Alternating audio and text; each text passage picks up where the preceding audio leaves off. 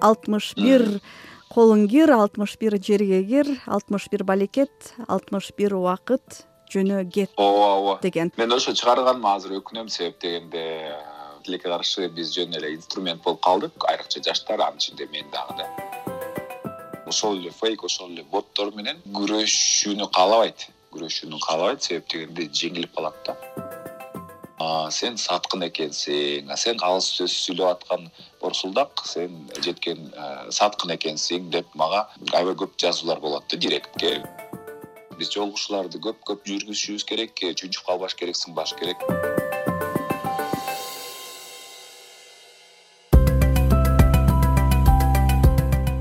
саламатсызбы мен лиза кененбаева. Назарыңызда азаттыктын азыркы кыргызстандык подкасты биздин бүгүнкү каарманыбыз алып баруучу урмат борченов. Негизи мен өзүм ошо мындай э, турмушта ыргалып жүрө берем анан сунуштарды күтүп коюп өзүм нукура кыргызбаймын деп ойлойм да. Урмат борченов отуз жашта ал кыргыз түрк манас университетинин эл аралык мамилелер факультетин аяктаган учурда урмат онлайн тв телеканалында алып баруучу андан тышкары өзүнүн социалдык тармактардагы баракчаларында кыргыз тилин өнүктүрүүгө багытталган атайын долбоору бар жана тойлордо тамада болуп эмгектенет. Болсо болот болбосо жок деп коюп мындай урмат менен баарлашуубузду биз той темасынан баштадык. Тойлор деп айтып калбадыңбы? Тойлор болуп эле атабы тойлор кадыр эсе эле ооба кадимкидей эле болуп атат. Карантин бүтөөрү менен эле болуп атат. Эч кандай деле мындай өзгөрүү болгон жок десем болот. Тойдогу адамдардын саны бир аз кыскарды десем болот го дейм. Тойдун түрү көбөйдү. Адамдар тилекке каршы бакубаттыгын ойлобой тиги да берип атыптыр мен да беришим керек деп бири бири менен эрегишип бере берет. Мисалы үчүн бизде деген үч төрт жыл мурун узатуу деген той жок болчу да. Анда болсо ал ресторанда сөзсүз түрдө берилет. Свадьбаларга караганда дагы пышный болуп аябай өзгөчө өтөт да. Жада калса үй той дегенди там той дегенди үйгө келип бата берип үйгө чакырасың да адамдарды. Үй той азыр ресторанда берилет. Элестеткиле карантин учурунда тойлоканалар жабылат болуш керек бул бизнес токтойт го десек жылдап жылдап калыптанган кулк мүнөз замат деле өзгөрүп кетпейт экен да. Июльдагы окуялардан кийин мен деле ойлодум эле эл бир аз мындай коркуп элдин жүрөгүндө калат го ошол өлүм житимдер депчи. Бирок эмнегедир андай болбоду тез эле унутуп калгандай көрүнүп атат да. Мен да таң калдым. Мындай бир аз бейкапар калк экенбиз. Анан биринчиден а экинчиден э, чындап келгенде могу шайлоолор көрсөттү. Аябай эле э, караңгы калк экенбиз. Себеп дегенде мына жанагы мына сатпагыла сатпагыла деген менен чындап келгенде калкыбыз элибиз күнөөлүү болуп калды. Да жыйынтыгында шайлоолордун туура эмес мындай акыйкатсыз өтүшүнө. Эми биз го маданият адамдары биз нейтралдуубуз да. Кайсы бийлик болбосун кайсы төбөл келбесин. Биз өзүбүздүн өзүбүздүн ишибизди жасап коюп жүрө беребиз. Бирок карантин маалында аябай акыйкатсыз болуп калды. Себеп дегенде мына депутаттар айлыгын алышты алар болсо жанагындай э, кошумча жанагы отпускнойун дагы алышты дагы басып алып кете берди да а эл болсо э, ошол эле киреше булагы жок эмне кылсаң ошол болуп калды. Да жөн эле кала беришти. Анан кийин ошондо албетте болушунча социалдык тармактарда болобу э, сыртта болобу көчөдө болобу тема бир гана бир гана ошол болуп калды. Бийлик начар иштеп атат бийлик кылбай эчтеке кылбай атат депчи эки миң жыйырманчы жылдын июнь июль айларында кыргызстанда миңдеген кишиге коронавирус жугуп ооруканаларда орун жетпей бейтаптардын айласы куруп деми кысылып турганда ыктыярчылар жүгүрүп жардам берип далай кишини сактап калышты. Ошол маалда бийликке нааразылык күч алды. Урмат борченовдун алтымыш бир кет деген ыры дагы ошол күндөрү чыккан а эл өзү менен өзү. Көйгөйлөрүн көрбөйт сенин көзүң. Кызматка туура адамдарды койсоң сеники меники деп бөлүнбөсөң аймакташып уурулашып жатындашым дебесең масштабты чоң алсаң колуң жетип ийгиликке чыкмаксың бийиктикке. Эмнегедир баары ыктайт бийликке бирок жардамды берет башкалар. А эл өкүлдөрү антургурлар кайдалар? Инфекция инфляция рецессия стагнация девальвация бар манипуляция. Алтымыш бир колуң кир алтымыш бир жерге кир алтымыш бир балекет алтымыш бир убакыт жөнө кет ошол жыйырманчы июль күнү чыгыптыр э, мен карасам э? Ооба ооба. Тажадым деген э, серия деп айта алам бир беш ыр чыккан жалпысы ошо добушуңду сатпа э, алтымыш бир анан кийин чек араны ким ойлойт анан тигиндей мындай деген. Ошол ар бир болуп аткан окуяларга бул менин реакциям болду болгону. Себеп дегенде мисалы үчүн тажады а жок тажадымды мен өзүм баштаган жокмун чынына келгенде.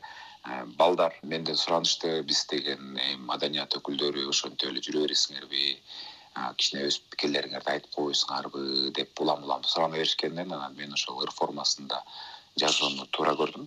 Демек өзүң видео кайрылуунучу автору ооба ошол бийликти сындаган үч ыр андан тышкары элге кайрылуулар баары автору менмин ооба. Мурдагы президентти алтымыш бир жашында кетишиң керек деп алгачкылардан болуп талап э, кылгандан кийин мына ошол учурда окуялар дал ушундай өнүгүп бийлик алмашып кетет деген ой бар беле? Же жөн эле бир мындай э, чакырык жазайын дедиң беле? Мен ошо чыгарганыма азыр өкүнөм себеп дегенде билбейм мен мен билбейм. Менин оюмча тилекке каршы биз жөн эле инструмент болуп калдык. Айрыкча жаштар анын ичинде мен дагы да. Эл башка нерсени күткөн менин оюмча. Мен болгону урматтуу президент эсиңизге келиңиз деп айтуудан айбыктым. Себеп дегенде атын атаганда эле ал кишилердин баардыгы э, кечирим сурап калып атты эртеси ушунчалык биздин кечирим суратуу комитети деп да атап коюшту го. Укмкны э, ушундай катуу иштеди карантин учурунда улам бирөөсү сөгөт кайра эртеси кечирим сурайт. Улам бирөөсү сын айтат эртеси кечирим сурайт. Аябай көп болуп кетти го ошондой видеолор ажобузга элдин нааразычылыгы күч экенин э, жеткиргенге аракет кылдым. Мен деген э, мындай жол менен кетишин эч качан каалаган эмесмин. Негизи жанагындай жол менен баардыгы болуп кеткени мени өтө капалантат. Баардыгы мындай цивилдүү э, мыйзам чегинде жакшынакай болсо жакшы болмок эми бирок мыйзам чегинде дегенде болгону президенттик шайлоону күтүш керек болуп калып болуп калмак да. Бирок ошого чейин убакыт бар болчу адамдар. Акылдуу эстүү адамдар биригип бир жакшы күчкө айланса деген үмүт бар болчу да. Көпчүлүк деле күткөн эмес алар деле өз учурунда э, мындай нерсени күткөн эмес болчу. Ситуациялар бат бат өзгөрүп ушундай кырдаалга жетет деп. Бирок кээ бирки инсандардын планы деп да угуп атам эми. Ошондуктан мындай бир чыныгы көзгө басар бир лидер көрүнбөй койду лидерлер чындыгында бар болчу. Бирок эл тааныбайт экен калың эл.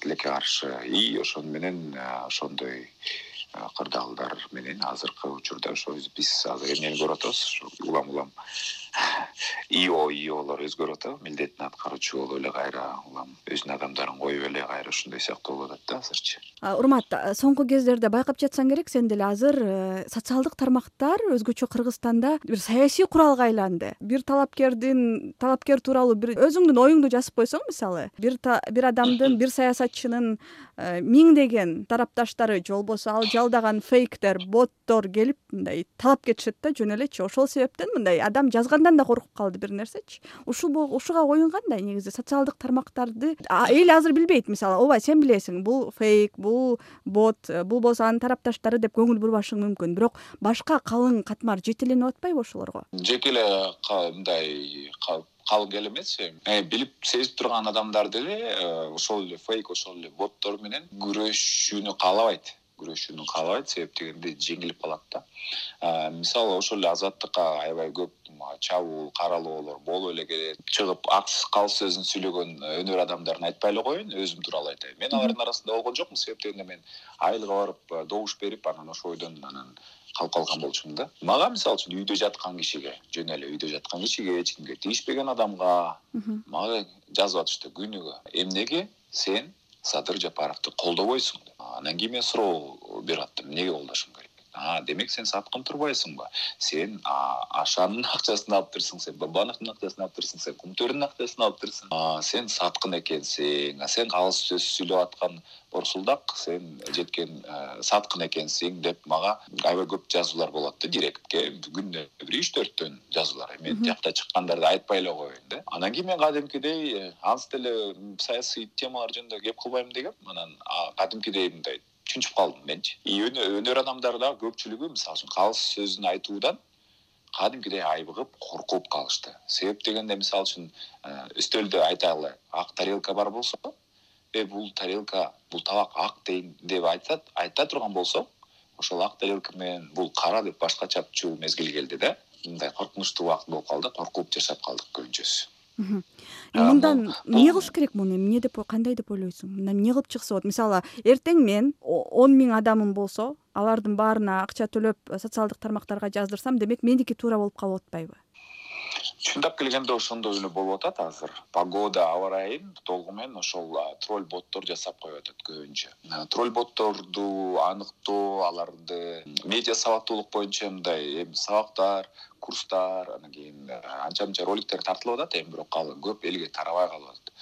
Көп элге таратуу жаатында дагы проблема чыгып атат. Себеп дегенде азыр мындай инстаграм чоң күчкө э, ээ а инстаграмдагы популярдуу инсандар миллион эки миллиондук аудиториясы бар аудиториясы бар инсандар калыс сөзүн айтпай атышат себеп дегенде биз мындай ошол медиа адамдар биригели деп ошол эле жанагы элдин үнү деген мындай кыймыл түзүлүп алардын баардыгы мындай уур токмокко алынып калды кадимкидей болгон болбогон адамдын баары аларды жамандап жазышты азыр алар дагы тынчып чүнчүп калышты менимчечи ошондуктан алар мындай угулбай калды да көпчү бурмалоо оңой болуп атат азырчы. Маалымат канчалык көп болсо ошончолук маалыматты бурмалоо оңой болуп атат. Менин оюм боюнча эмне кылыш керек? Бул дагы кедейлик анан караңгылык. Ошол эле боттор. Биздин мекендештер да алар деле. Алар деле бир кайсы бир айлык алып иштеп атышат. Демек ошол адамдар кедей муктаждыктан эгерде мисалы үчүн эми өзүнө жумушу бар киреше булагы жакшынакай инсан эч качан барып бот болуп иштебейт да туурабы? Фейк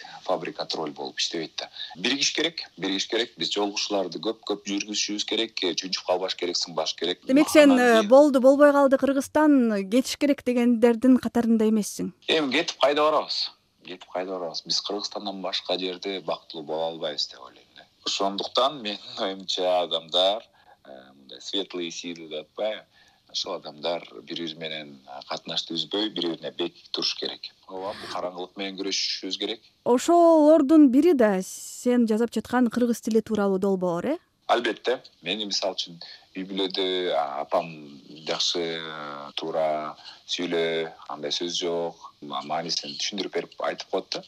Анан кыргыз тил мугалими дагы жакшы сабак берген. Эми убагында анан апе мен айтпасам ким айтат? деген таризде деген ойдо биз ошол мен өзүм ошо телефонуму але тартып коем кээде анан албетте мазмуну боюнча анан кийин подачасы боюнча көптөгөн суроолор бар. Атайын жалпагыраак атайын жеңилирээк атайын эл көрсүн деген максатта демек бул бир сунушталган долбоор эмес өзүңдүн демилгең ооба жүрөктөн чыккан демилге эч кимдин колдоосу жок. Бирок эми элдерге жагып бөлүшүп атышат. Мен ошого ыраазымын а сөздөрдү кайдан? Ошол эле социалдык тармактардан аласың да э жана көп ката кетирилген сөздөр деген сыяктуу. Ооба ооба ооба и анан баса ошого дагы эми бүткөн ишке сынчы көп дегендей ар кандай жаман пикирлерин аябагандар толтура көп.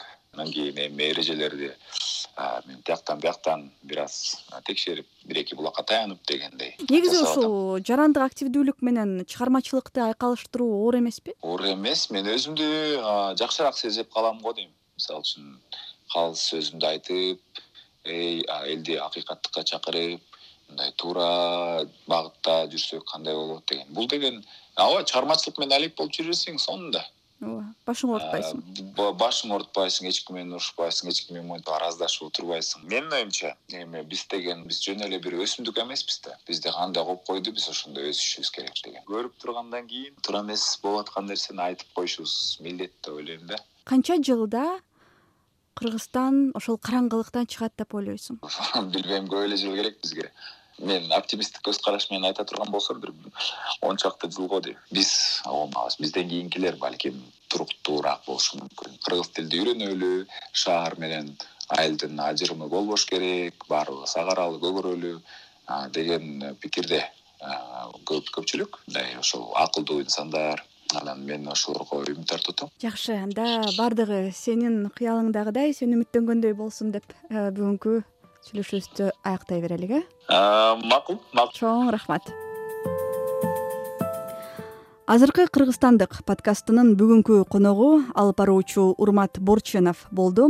Биз аны менен кыргызстанда болгон соңку окуялар тууралуу баарлаштык. Берүүнү мен элиза кененбаева даярдадым. Саламатта болуңуз